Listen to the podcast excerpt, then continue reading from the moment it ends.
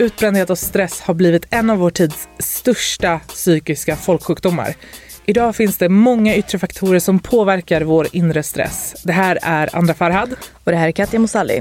Och frågan är, vad kan man göra för att inte drabbas av utmattning? Och vad gjorde vi för att komma tillbaka från vår utbrändhet?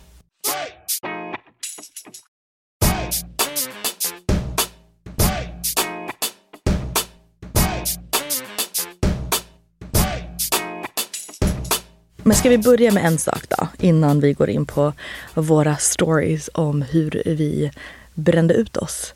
Um, hur mår du? Jag mår faktiskt jättebra. Hur mår mm. du? Jo, men jag mår bra. Jag sitter bara och funderar på varför du sitter framför mig utan skor och har gömt skorna bakom en gardin. För att jag, när vi spelar in det här, mm. så jag vet inte om det regnar eller snöar. Eh, och jag springer alltid runt i klackar. Alltså och, vi snackar sommarklackar. Nej men sommarklackar. Jag vill bara att In, alla ska förstå det här. Men det är bara för jag tycker att vinterklackarna är så tråkiga. Och därför tycker du det är bättre att springa runt i sommarklackar när det snöar ute? Ja. Ah, okay. Mm. Eh, så att eh, mina skor är blöta. Och du vet när, när det luktar så här blöt sko. Mm. Uh, klarar inte av den lukten. Ja, det är det som luktar här inne. Ja men det är därför jag har gömt dem bakom gardinen. Mm, kan i alla för att liksom berätta... kapsla in lukten där bak. Jag kan berätta för dig att det inte har funkat. Sluta. men utöver att du har äckliga skor så mår du bra. Har veckan varit bra? Utöver det så mår jag jättebra. Jag, har ju varit, jag var ju sjuk för typ tre veckor sedan. Och jag har en rethosta som sitter i. Så att den börjar bli bättre så nu börjar jag känna att jag börjar få tillbaka min livslust igen. Skönt. Hur mår du? Jo men eh, jag mår bra. Jag har faktiskt eh, ganska mycket på alla mina 75 jobb just nu. Det, jag håller på att planera in fler artistbesök eh, med Warner som kommer bli skitkul. Eh, har en artist som var här förra året som ska tillbaka nästa vecka. Eh, så det kommer bli jättekul. Eh, Benson Boone heter han. Mm, var det han som uppträdde i, var det Idol? Ja, precis. Ja. Vi ska faktiskt göra en till grej med honom och Idol. Kul. Ja, jätteroligt faktiskt. Han är, alltså han är skitkul. Hur, jag, jag måste veta, hur gick Idol-grejen där de försökte skrämma dig som vi pratade om i förra avsnittet? Har de lyckats med det? Nej, alltså nej. Och det här, när det här kommer ut, då kommer ju allt alltså, sänds på tv. Mm. Alltså det här är så roligt. De tog mig till Gröna Lund för någon dag sedan. De bara, vi ska testa att skrämma dig på Gröna Lund. För Grönan har ju någon slags halloween-grej. Ja men som att du skulle bli rädd av det. Nej men vill du veta vad det roliga var? De bara, du ska få gå spökhuset. Jag bara, oh my god vad kul. Alltså, skittaggad. Alltså, oh my, det, vi måste gå dit. Det är så roligt. Det, det, det är som att hamna, jag älskar ju halloween. Alltså det är som att hamna mitt i en halloweenfest. Jag älskade det. Och alla spöken som ska komma och skrämma Jag bara oh my god, kul! Du blir så kompis med dem. Typ. Eh, jag kramade så här, det stora skelettet. Eh, men vi, de tog in mig då i spökhuset. Det heter någonting speciellt. De har byggt ett specialhus liksom. Eh, där idolerna hade klätt ut sig och gömt sig så på olika ställen. Och så skulle jag gå spökhuset och de skulle skrämma mig. Eh, det slutade upp med att jag så typ, hade lite konversationer. Bara, ah, hur mår du? Vad sjunger du på fredag? Åh, oh, hej! Och sen så tog jag en GoPro och gick en runda och skrämde dem. Nej men alltså. Det var så Lyssna, Idol. Nästa år, ring in mig som en konsult så ska jag hjälpa er skrämma Katja. Ja för det gick ju så bra för jo, dig förra men veckan. alltså jag hade en chans och ah, min plan var bra. Du fuckade upp den. Ja, den var faktiskt inte bra. Den var faktiskt bra. Du, och hade blivit, du öppnade dörren med fel hand. Det var det det hängde på. Det här avsnittet ska inte handla om hur eh, man skrämmer folk eller halloween. Utan vi ska prata om utmattning och hur man tar sig tillbaka därifrån. Men vet du, jag blir faktiskt skrämd av utmattning. Nej men alltså på riktigt Katja, det är, det är bland det sjukaste jag någonsin har upplevt. Mm. Faktiskt, det, jag håller med dig. Alltså det är symptom som man liksom, som jag aldrig visste att jag kunde känna. Mm. För det här med utmattning och utbrändhet, det är ju verkligen, alltså det, det är så lätt att till exempel så här, när du får en fysisk skada. Mm. Du ramlar, du bryter en arm. Du ser det. Du ser det. Det är en fysisk skada som du kan se med ögat. Och när du kan se det så blir det också lite så här, det är på riktigt. Du kan förstå, du kan liksom ta in ja, det. din hjärna kan liksom processa att det här är en fysisk mm. skada, jag kanske behöver gipsa min arm. Problemet med psykiska skador och skador på vår hjärna det är att vi inte kan se dem. Mm. De mhm. blir så abstrakta. Och eh, det är väldigt svårt att ta in dem. Och det är, jag tror att det är därför som väldigt många inte tar till exempel stress, utmattning på allvar. För det är inga skador vi ser fysiskt på vår kropp utan de gör sig först eh, synliga efter många, många månader eller kanske till och med många år. Mm. Och då är det många gånger för sent. Mm. Det är sorgligt att se hur antalet människor som blir sjukskrivna på grund av utmattning konstant går upp år efter år. Jag menar, alltså om vi tittar lite på siffror från Försäkringskassan där man ser att 2010 så var det ja, men runt 9000 människor som var sjukskrivna i mer än två veckor på grund av utmattningssyndrom. Idag ligger den siffran på ja, men över 42 000. Oj. Det är jättemycket. Mm. Och vill du veta en, en annan intressant I, grej? Men jag, vänta, för, Ja. förlåt. Jag tror också att det finns väldigt stort mörkertal. Gud ja, för folk fattar ju inte. Nej, exakt. Jag förstod ju inte det när jag var mitt i det. Jag har ju förstått det nu senaste typ två åren, Mm. att jag var utbränd. Så att jag tror Mm. att de siffrorna är bara toppen av isberget. Och det finns en jätteintressant aspekt också. Om vi ska eh, utgå från dig och mig. Om vi går tillbaka, folk som kommer från andra kulturer. Du pratar inte om psykisk ohälsa. Du Nej. pratar inte om utmattning på det sättet. Så jag tror att mörkertalet är extremt bland människor som har utländskt påbrå. Ja, jag tänker bara på mina föräldrar. Jag tror inte att det handlar om att de är utbrända. Jag tror att de har så här, eller så här, gått in i väggen. Jag tror att de har gått igenom väggen. Alltså, de, de, alltså för De är dem- på en annan planet. De är på en annan planet. De har liksom gått igenom väggar, murar, vad du vill. Men jag tror på riktigt att det är väldigt viktigt att också poängtera det du säger. Jag tror att det finns väldigt många som mår dåligt där det av olika anledningar är lite så här tabulagt att prata Mhm. om det eller ens söka hjälp för det. 100 procent. Eh, för jag vet till exempel att så här, min mamma mådde väldigt dåligt ett tag. Och hon, hade, hon vaknade alltid upp på nätterna eh, Mm. och hade så tryck för bröstet, hade svårt att andas, kände sig yr, kände att liksom så här, hon inte fick någon luft. Och jag sa till henne, jag, bara, jag tror att du, du, du skulle må bra av att träffa en psykolog. Hon bara nej, nej, nej, nej. Jag mår Det är, bra. inget, det jag mår jättebra, det är inget fel på mig. Jag bara, mamma jag tror att du verkligen känner panikångest. Ja. Hon bara nej, nej, nej. nej Jag har inte sovit. Ja, ja, jag har inte sovit. Man bara, du har inte sovit på två år. Mm. Varför tror du att du inte har gjort det? Så att jag, jag tror att det finns också ett väldigt stort mörkertal. Och, Gud, ja. eh, eh, både så här att människor kanske inte vet vad utbrändhet och utmattning är så att man inte ja, söker hjälp för det. Eh, men också så människor som av olika anledningar, typ så här att det är kulturellt tabu, Mm. Inte pratar om det och inte söker hjälp för det. Mm. Alltså jag visste ju inte vad det var. Mm. Jag, alltså du sa ju precis att det tog det, alltså du fattade det de senaste två åren. Så var det för mig också. Jag gick igenom hela den grejen. Jag var, alltså, det var mitt första riktiga jobb. Jag ville vara du vet, den här duktiga tjejen som konstant jobbade. Det var, det var när jag jobbade med pojkbandet. Jag var liksom i USA i flera månader om taget med fyra tonårskillar som jag skulle ha hand om. Jag skulle liksom vara mamma, syster, manager samtidigt som jag skulle ha hand om alla mina arbetsuppgifter. Och det här är inte ett jobb där du kunde bara säga men nu tar jag helg. För det här är ett 24-7 jobb. Ehm, och sen skulle jag komma tillbaks hit, fortsätta jobba, du vet, vara tillgänglig 24-7. För det var Mm. det jag var. Och det var det jag trodde jag behövde vara. Och det slutar upp med att du vet, när du gör det här, när du har en arbetsbelastning på typ Mm. nästan 400 procent och du är så ung och ingen heller i, alltså ingen av mina alltså arbetsgivare, mina chefer, tog ansvar eller såg det här. Det var li- nästan lite som att de kom från en position där de utnyttjade min, ehm, min, alltså mina ambitioner. Mm. Och att jag var så himla... Men, det var någon av mina chefer som sa bara, du är, så här, du är en riktig arbetsmyra. Och du vet, det tog jag som en komplimang och då fortsatte jag hela tiden. Och det som hände var att jag började inse att någonting var fel när jag inte kunde läsa längre. Alltså jag såg texter och bokstäverna bara hoppade. Och då blev jag jätterädd. Jag Mm. bara, vad, är, vad har hänt? För det är ju hjärnan som tar stryk. Vi, vi kommer komma in lite mer på så här vad det är som faktiskt händer i hjärnan. Men, och jag kunde inte skriva. Jag, kunde, jag trodde att jag skrev någonting. Och sen så gick jag tillbaka och läste det. Katastrof. Alltså jag hade skrivit något helt annat. Mitt minne funkade inte. Jag var så himla labil känslomässigt. Mm. Allting var så här, och de som fick ta stryk, alltså det, eller de som fick den sketna sidan av mig var ju min familj och mina nära vänner. Eller de vännerna jag hade kvar. För att man har ju inte tid för vänner. Nej. Du går ju inte på, du missar tillställningar, så privata tillställningar missade födelsedagar, studenter, du vet eh, nära vän, alltså mina kusiners, eh, när de gifte sig, förlovningsfester, allt det där.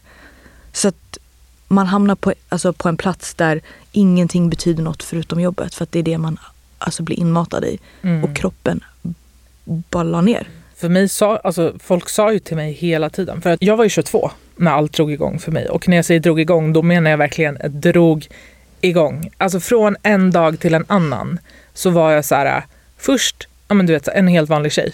Till att nästa dag, så här, media drog i mig, föreläsningar. Alltså, jag var runt hela landet och föreläste. Alla ville ha min tid, alla ville ha mig överallt. Och för mig, jag kände en tacksamhetsskuld. Jag var så här, shit, jag, jag som inte har en utbildning, jag som ändå så här, är uppvuxen i Fittja, förorten, kommer från ingenting. Jag ska vara tacksam och glad för att folk vill ha mig här. Jag kan inte säga nej. Så att jag bara gjorde, gjorde, gjorde, alltså körde på. Och eh, för mig var det ju så här, jättemånga runt omkring mig som sa till. Mm. Var mhm. försiktig, du kommer bli utbränd.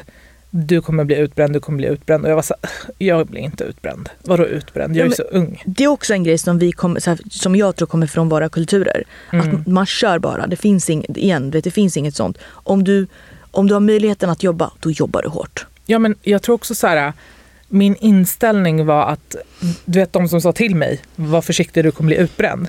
Jag bara, det här är människor som känner efter för mycket. Ah.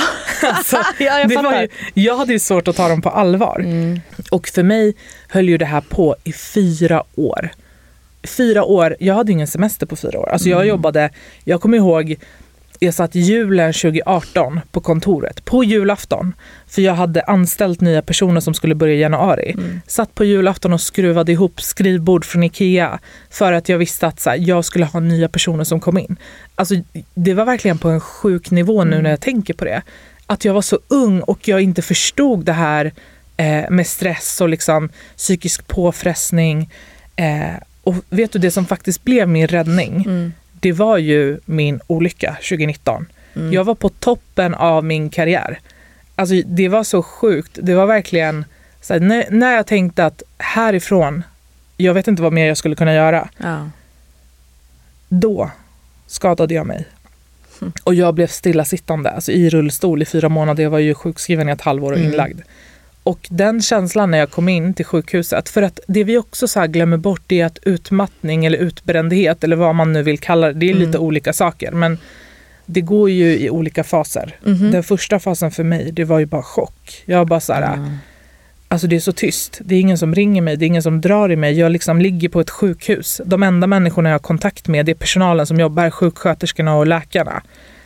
Och sen så övergick ju det från den här tomheten till att jag började känna mig otillräcklig. Jag kände mig misslyckad. Det kändes som att alltså det var ett misslyckande. Jag visste inte riktigt vad jag skulle göra. Mm.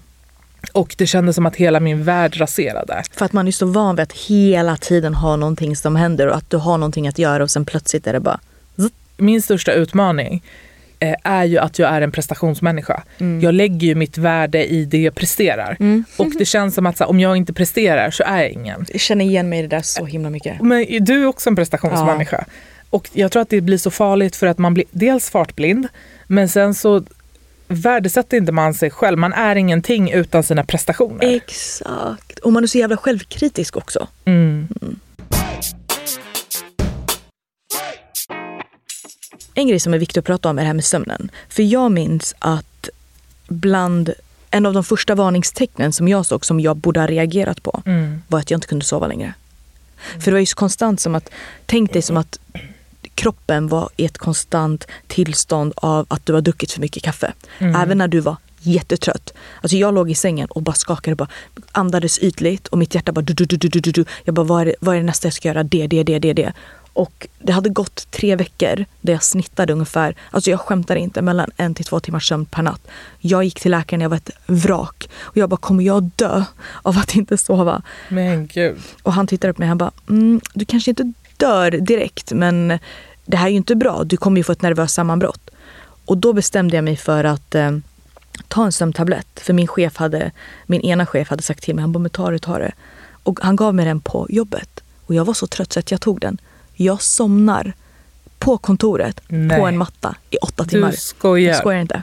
Jag låg, alltså jag hade ju fett ont i ryggen när jag vaknade upp. Men förstår inte du? jätteergonomiskt att sova på ett golv. Nej, nej. men nej men alltså okej okay, jag, jag ska inte skämta bort det här men det är ju verkligen sjukt. Alltså förstår du vad vi utsätter oss själva mm. för? Det som var, för mig var ju exakt samma sak. Jag sov ju inte heller i fyra års tid.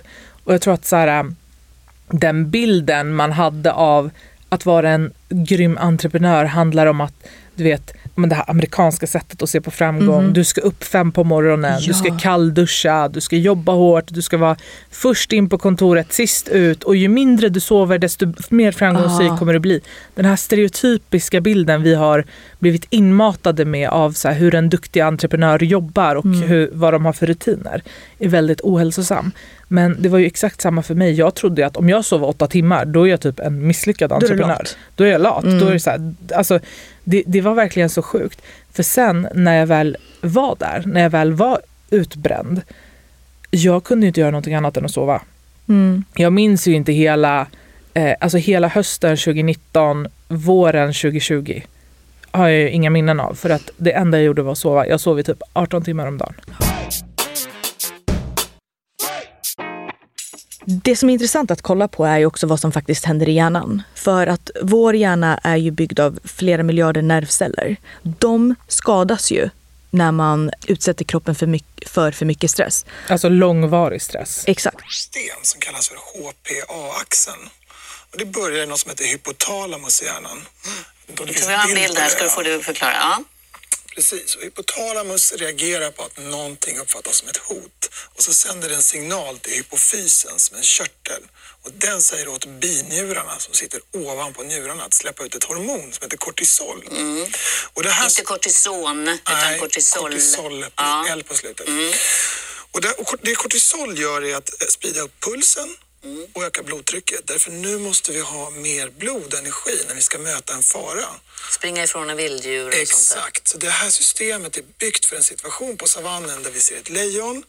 Då drar det här igång, blixtsnabbt ökar kortisolnivåerna och då så slår hjärtat snabbare och hårdare. För vi måste antingen gå till attack eller springa därifrån. Mm. Fight or flight som man säger. Då. Mm. I dagens samhälle så upplever inte så många människor livshotande stress, i alla fall inte i Sverige gudskelov. Men det är samma system som aktiveras i oss när man utsätts för stress i form av deadlines eller dagishämtningar. Då står det här systemet igång och puttrar. Är det så farligt då? Ja, problemet när det står igång och puttrar är att det föder sig självt. Det finns, liksom en, en brom, det finns bromspedaler i hjärnan för det här systemet. En av bromspedalerna sitter i minnescentrat som heter hippocampus och en annan sitter i frontalloben som är hjärnan bakom pannan. Och de bromspedalerna nöts ner. Så om gasen i systemet får stå på för länge så nöter det ner bromsen. Så när man sprang på savannen eller attackerade djuren så skedde det under en begränsad exakt, kort tid? Exakt. Och sen vilade man? Exakt. Och det är det vi inte gör? Och det är det vi inte gör. Mm. Systemet står och puttrar i oss hela tiden. Mm. Och det får då konsekvenser i form av att de här bromspedalerna nöts ner. Hippocampus som är en bromspedal, den är också viktig för minnet. Så människor som har stressat mycket får ofta problem med minnet. Mm. Och i värsta fall så kan det här leda till en depression eller en utmattningsdepression. Mm. Och det här var ju ett klipp med Anders Hansen när han eh, gästar Malou von Sivers och pratar om just stress och stressens påverkan på hjärnan. Och det han tar upp är så himla intressant där med minne. För att jag, det var en av de grejerna, de symptomen som jag verkligen märkte av. Jag kunde inte komma ihåg saker. Mitt korttidsminne var så, så, så förstört. Och än idag så funkar inte mitt korttidsminne på samma sätt som det gjorde innan jag eh, brände ut mig själv. Och det tycker jag är jätte... Alltså det är sorgligt och det är läskigt. Eh, speciellt med tanke på att jag var en sån person som faktiskt mindes allt. Så att jag, man, jag har ju lärt mig nya tekniker idag för hur jag ska eh, hantera det. Men det, det är därför man ska vara försiktig. För att det finns, alltså vissa saker kan man inte komma tillbaka ifrån. Nej, och man ska vara försiktig med långvarig stress. För den här kortvariga stressen kan ju också ibland vara, det finns ju så positiv stress och det finns negativ stress. Men det är ju den här långvariga negativa stressen som man ska vara försiktig med. För det finns ju också så bra, alltså kortvarig positiv stress. Till exempel den här, det här som du var inne på tidigare, att man eh, inför något deadline blir så hyperfokuserad för att man är men stressad och behöver få klart saker i tid. Sen finns det ju den här negativa stressen som typ jag ofta känner när jag till exempel är på väg till någonting, har en tid att passa, fastnar i en bilkö, du vet. Jag känner så här hur jag blir men nästan lite aggressiv, kan typ tuta på någon bil. Alltså du vet när man bara känner så här, det tar fram allt alla de här negativa stresshormonerna igen. Mm. Så att man ska också kunna skilja på dels positiv och negativ stress men också kortvarig och långsiktig stress. Och det är ju den här långsiktiga stressen som då bränner ut hjärnan. Även om vi inte ser stressens effekt på hjärnan med ögat så påverkar det hjärnan fortfarande och vi får ju skador som vi ibland kan återhämta oss ifrån beroende på om vi gör någonting åt det här i tid. Och många gånger så är det många som aldrig någonsin kommer tillbaka från en eh, utbrändhet. Och det här är ju också det bevisat. Man har ju sett att hjärnan faktiskt förändras. Alltså när man har gjort är det magnetröntgen, eh, Ja. när man tagit magnetröntgenbilder så ser man att hjärnan faktiskt förändras efter eh, långvarig stress. Ja, man får ju permanenta skador på hjärnan. Exakt. En intressant grej är att eh, det är mycket, mycket fler kvinnor än män som blir sjukskrivna på grund av eh, långvarig stress. Faktiskt 79 procent av alla sjukskrivna är kvinnor. Alltså egentligen, alltså fyra av fem är Mm. kvinnor. Och det här är ju siffror som vi har fått från Försäkring. Försäkringskassan. Exakt. Vad tror du att det beror på? Ja, Men jag tror att det beror på ja, men, eh, det här vardagspusslet. Jag tror att kvinnor har ett större ansvar i det här vardagspusslet för att vi är ofta så här hemma med barn, vi ska jobba, vi ska liksom hämta, lämna. Ja, man Eh, tar mer ansvar. Man tar mer Mm. ansvar. Eh, samtidigt ska man ha ett socialt liv, man ska hinna ta hand om sig själv och kanske träna. Man ska handla och göra allt liksom det här, de här praktiska vardagssysslorna. Det är klart att män också blir utbrända. Såklart. Men jag tror att kvinnor är mycket sämre eh, på att ja, men planera in tid för återhämtning. Vi sitter ju faktiskt och gör ganska mycket eh, Research. research innan, innan vi sätter oss ner för att prata om de här ämnena. För att vi vill ju också veta att det vi berättar för er, eh, att det finns fog för det. Men en sak som jag tyckte det saknades ganska mycket om är det här med stress från sociala medier. Mm. För det är också en stress som eh, har ökat oerhört mycket de senaste tio åren bara. Mm. Och ännu mer nu. Alltså bara om man tittar tillbaka på de, de senaste fem åren. Men jag tror att det är ver- verkligen för att sociala medier har ju öppnat upp vår värld. Eller inte öppnat upp, men sociala medier har gjort världen större. För när jag växte upp och eh, jämförde mig med andra så var det ju människor som typ, alltså mina kompisar som kanske gick i min klass eller lekte på samma gård. Och eh, det som var då var ju att de här eh, personerna som jag jämförde med, med i, bodde typ i samma områden, hade typ samma ekonomiska förutsättningar, levde ganska snarlika liv. Vilket gjorde att de här jämförelserna man gjorde, typ så här, vad du hade för kläder på dig och liksom så här, vilka ställen du semestrade på. Det var ganska så snarlikt med hur jag levde. Det sociala medier har gjort är ju att det har vidgat vår värld. Så idag jämför ju inte vi oss bara med människor som bor dörr i dörr med oss utan vi jämför oss med typ Kim Kardashian, Kylie Jenner, Rihanna, alltså världs liksom, artister och världsstjärnor och människor som har helt andra ekonomiska förutsättningar än vad vi har. När vi blir insläppta i den här personliga världen då ser ju inte vi bara de här människorna för deras talang och deras arbete utan vi börjar ju jämföra vår livsstil. Och det här kanske är ett extremfall att man jämför sig med Rihanna. Men om vi bara tittar i Sverige. Fast hur många tjejer jämför inte sig med Bianca Ingrosso? Tänk dig om vi har ett världsperspektiv på det. Alltså kolla på typ Kylie Jenner. Hon är ändå väldigt ung och hon eh, växte upp på sociala medier. Så att många som har varit i, alltså, runt hennes ålder har ju sett henne växa upp. Så att där sitter du och har en jätteskev bild av att här är någon som är lika gammal som mig. Men titta vad så, hur den personens liv utvecklar sig och vad det livet eh, innehåller. Och så Man själv är ju på en så mycket mindre skala, vilket är en, alltså egentligen en normal skala. Men plötsligt sitter du igen, som du säger, man gör för, jämför sig själv med något ouppnåeligt och någonting som, alltså någon som har resurser på ett helt, helt annat sätt och ett helt annat liv och förutsättningar för att leva ett helt annat liv. Kronofogden släppte ju en rapport förra året som visar på att skuldsättningen bland unga, nu minns inte jag hur, vilken ålder det var, men det kanske var typ mellan 17 och 25 år, hade ökat med 10% på ett år. Det är helt sjukt. Och det här är ju för att unga tar lån Mm. för att ha råd att leva en viss typ av livsstil på sociala medier.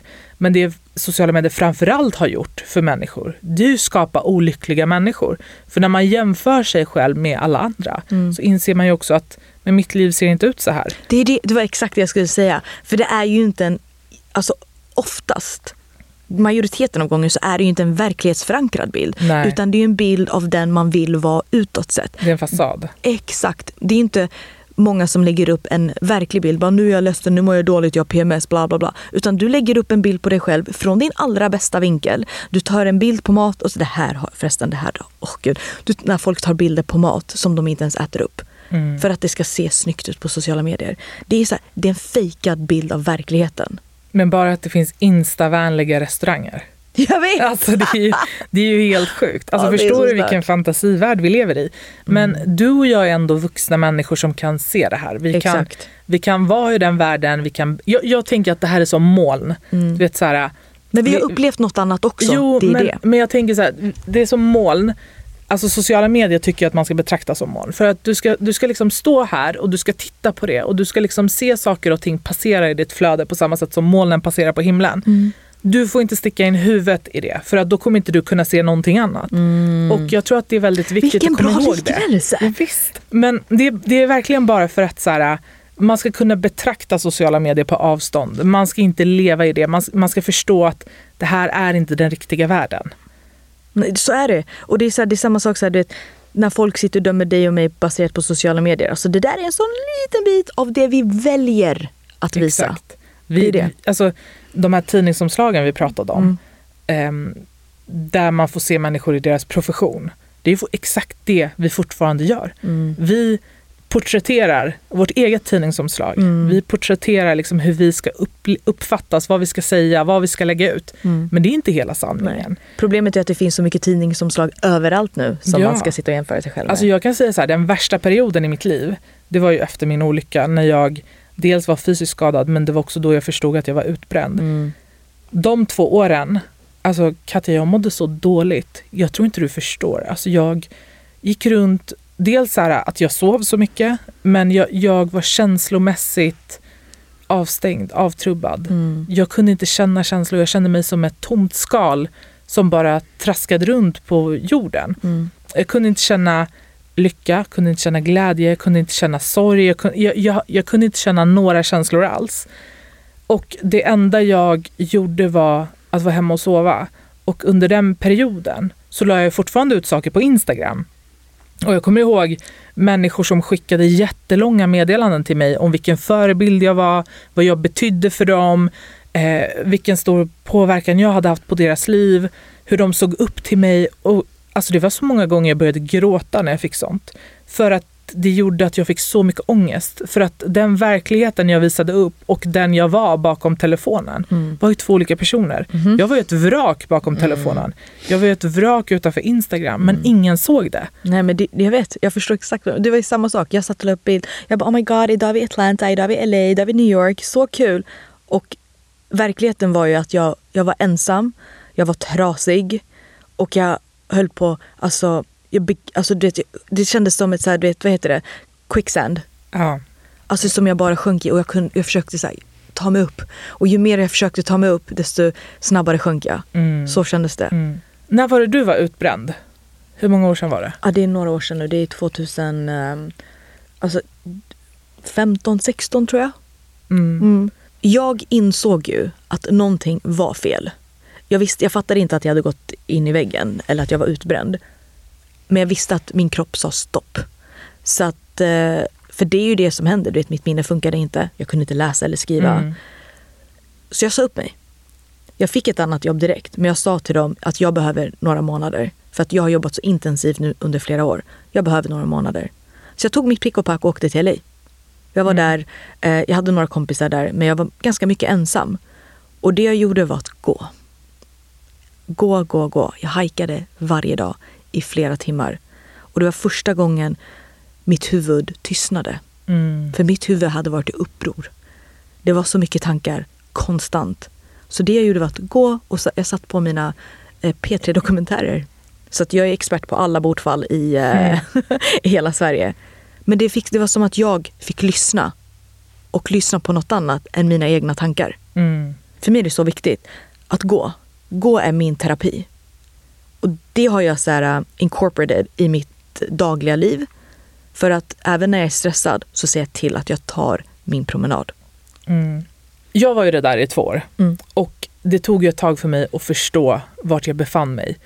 Jag hade lite flax för att det var pandemi och eh, det var inte bara min värld som stannade upp utan hela världen stannade mm. upp. Mhm. Så att jag fick ju verkligen men, ta ett steg tillbaka. Alla jobbförfrågningar bromsades av. Jag kunde inte föreläsa, jag kunde inte göra någonting. Och eh, jag, det viktigaste jag tar med mig från den tiden det är ju, för man pratar ju väldigt mycket om den här pyramiden av att, mm. ja men så här, prioriteringar. Och vanligtvis så brukar man ju prioritera, eller så gjorde jag förut. Eh, jag prioriterade jobb först, mm -hmm. la alltid in jobb i min kalender. Yeah. Och sen så hade jag tid över så planerade jag in sociala aktiviteter med vänner. Fanns det tid efter det så planerade jag in familjetid.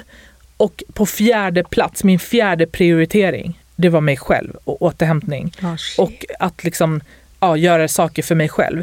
Det här gjorde att jag aldrig någonsin hade tid för mig själv. Mm. För min kalender var ju 90% fylld med jobb och sen mm. 10% var det ju sociala aktiviteter. Och jag har ju alltid varit en person som eh, får energi av andra människor. Så för mig att träffa vänner har ju alltid varit väldigt viktigt. Men efter den här utmattningen, eller utbrändhet, jag vet inte vad jag hade, men det var ju någonting. Mm. Så vände jag på pyramiden. Så att det jag gör idag, som har hjälpt mig väldigt, väldigt, väldigt mycket, det är ju att eh, prioritera in tid för mig själv i min kalender först. Så att jag har ju tränat väldigt mycket det här året. Mm. Lägger alltid in, för jag sitter ju varje söndag kväll och lägger upp min vecka. Mm. Lägger alltid in mina träningspass först. Det är liksom mina tre timmar i veckan, för jag tränar tre gånger i veckan. Det är mina tre timmar i veckan som jag inte rör. Och sen så lägger jag in till exempel så en dag i veckan är det väldigt viktigt för mig att ha för mig själv. Och jag har ju valt mm. varje söndag. Planerar inte in någonting på söndagar. Om jag väljer att göra någonting på söndagar så är det för att det är spontant och för att jag vill. Mm. Inte för att jag har några så här obligations. Eh, och på söndagar då, jag lyssnar på musik, jag lagar matlådor, alltså jag lyssnar på poddar. Jag har verkligen en hel dag för mig själv där jag gör precis vad fan jag vill göra. Mm. Och sen efter det så planerar jag in familjetid. För att för mig att träffa min familj är väldigt viktigt. Mm. Och sen på tredje plats lägger jag in jobb. Men då har jag liksom prioriterat de två viktigaste sakerna för mig först. Det är mig själv och min familj och sen kommer jobbet. Och jag skulle aldrig boka av till exempel ett träningspass på morgonen för att ta ett jobbmöte. Utan nej, då säger jag nej och skjuter på det jobbmötet en vecka. Än att behöva ta från min tid. Och jag tror att den där pyramiden måste man vända på. Sen ska jag också säga så här, det är klart alla har inte möjlighet att göra det. Nej alla kan inte prioritera sig själv. Men alla kan prioritera sig själv lite mer. För det handlar också om att då kan man hitta stunder i vardagen som gör att man, alltså hitta lugna stunder i vardagen när man sitter ner och bara, nu tar jag om, jag ska, typ, om du käkar lunch, sitt och käka lunch ensam. Lyssna på musik. Någonting som bryter av den stressiga vardagen. För att det du säger det här med att man alltid har prioriterat jobb. Jag känner verkligen igen mig själv i det. Och det är för att man har varit en sån eh, karriär har varit så himla viktigt. Jobb har varit så himla viktigt. Ja. Det, man har varit så här, du vet, men, du vet igen, du ska bevisa dig själv. Du ska vara duktiga tjejen. Du ska så här, gå långt och eh, du ska vara ambitiös. Men det måste också finnas en plats där man faktiskt säger nej. För mm. jobb är inte allt. För att du kommer inte kunna vara lycklig i ditt jobb om du inte är lycklig i dig själv. Mm. Så att det som har varit viktigt för mig är att jag, jag har lärt mig säga nej till saker. Um, insett att jag behöver lyssna på mig själv och min egna kropp. Så att du vet, när jag känner att oj, nu sover inte jag bra. Varför? Okej, okay, men då måste jag verkligen tänka på det. Då är det som du säger, planera kanske in lite mer träning. Gå och promenera, lyssna mer på en du vet, så här, De här små sakerna, de enkla mm. små grejerna i livet som gör att man får stunder för sig själv. Mm. Men sen tror jag också så här, det är inte bara de här stunderna för sig själv. Vi, det låter jätteklyschigt att säga det här, mm. men alltså på riktigt, träning, mm. sömn, kost. kost. Alltså de tre grejerna gör ju att du har en bra grundförutsättning. Mm. Jag vet att så här, när jag jobbade som mest så sa folk till mig, för jag tränade inte på flera år, mm. och folk sa till mig så här, men prioritera och träna, prioritera tid för dig själv. Jag sa, jag har inte tid med det där. Och eh, jag tummade på min sömn, jag tummade på min kost. Och det här är ju tre grundstenar du behöver för att må bra mm. oavsett vad man än gör. Nu när jag till exempel börjar träna väldigt mycket det här året, jag tränar mycket styrketräning, så jag har ju börjat lära känna min kropp på ett sätt som jag aldrig har känt förut. Jag kan ju se och känna jättestor skillnad de kvällar då jag får åtta timmars sömn och går till gymmet och ska marklyfta och de kvällar då jag får till exempel sex timmars sömn och mm. går till gymmet och ska marklyfta exakt samma vikt mm. som jag vet att jag klarar på åtta timmars sömn. Mm. Jag är ju fysiskt svagare med mindre sömn. Mm. Och då kan du bara tänka på vilken effekt det här har på hjärnan. Mm. Så att jag skulle nog säga att mitt absolut bästa tips till mm. den som lyssnar och känner att jag kanske håller på att bli utbränd eller är utbränd eller vill undvika att bli utbränd. Mm. Kost, träning, mat. Alltså wow. Alltså det gör verkligen jätte, jättestor skillnad. Men fysisk aktivitet, man ska försöka sova mer och plötsligt så inser man att jag hinner inte med de här grejerna. Och då måste man ta bort vissa saker mm. och så blir man effektivare. Det är väl det som är enklast mm. att säga. Mm. Det, det, kan man ju säga egentligen. Mm, ja, så de bitarna, sova, fysisk aktivitet, ta bort bitar och sen kan man göra olika saker som man måste i det här sammanhanget som jag tror mycket på. Det är faktiskt mikropauser som du pratar, men sen kan man gå ett steg till. Man kan göra andningsövningar som jag är inne på, mm. som är väldigt bra, som visar sig, vi vet inte exakt hur man ska hitta det. Man kanske qigong, man kan meditera, man kan försöka mikromeditera, det behöver inte vara så komplicerat. Förut så försökte jag, jag hade, jag hade liksom en övertro på min egen hjärna. Jag trodde att jag kom ihåg saker. Vilket gjorde att jag försökte memorera saker. Typ så här, ah, men jag ska, jag vet inte, byta däck på min bil, sen ska jag lämna ett minneskort till dig, sen ska jag göra det och det, det. Och jag kanske hade typ så här 20 saker om dagen som jag försökte memorera. Att så här, jag ska försöka komma ihåg att göra det här. Hur många grejer tror du att jag lyckades komma ihåg? Nej men det går inte. Nej, ingenting. Alltså det bästa jag har gjort, det är to-do-listor. Mm. Alltså sådana här to-do-lists. Mm. Jag blir mobbad av alla mina vänner för att så här, jag använder mina to-do-listor och min kalender slaviskt. Mm. Alltså det som inte ligger där existerar inte. Det, jag, det som inte ligger på min to-do-lista, jag tänker inte ens försöka komma ihåg det. Men vet du vad som är så bra med det? Det tar, ju, det tar ju också bort en stress från att du ska behöva komma ihåg saker. Ja, alltså mina anteckningar i min telefon, det är bara så här, så fort en tanke slår mig, jag bara slänger in det där. Och sen om jag vill göra det eller vill göra det sen eller du vet, så här, det spelar ingen roll. Så på söndagar sitter jag då och går igenom mina anteckningar där jag bara dumpat alla mina tankar under hela veckan och så försöker jag så strukturera upp det. Så här, vilka tankar, vilka bollar ska jag springa på den här veckan och vilka kan, kan jag vänta med? Och jag kan inte förklara, alltså på riktigt, fick jag ge ett tips. Alltså det här är så bra, jag kan inte förklara vad det här har gjort för mig. Att inte behöva gå runt och tänka, har jag glömt något? Kommer jag ihåg det här? Har jag missat någonting? Ja, men det är en sån befrielse för den här stackars hjärnan som har memorerat så mycket saker genom åren.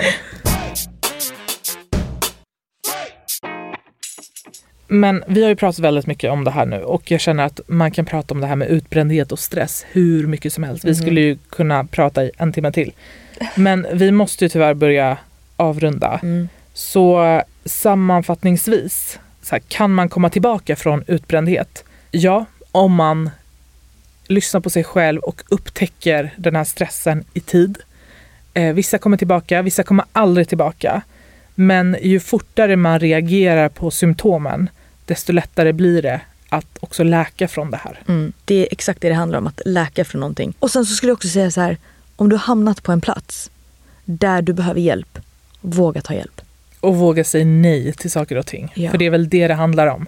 När man väl är skör, så behöver man också bli bättre på att tacka nej. Man måste, man måste prioritera sig själv och utan att vara rädd för konsekvenserna, de yttre konsekvenserna. För de inre konsekvenserna kommer vara mycket värre. Mm. Som en sista grej, eh, vi har gett er lite tips på vad som har funkat för oss.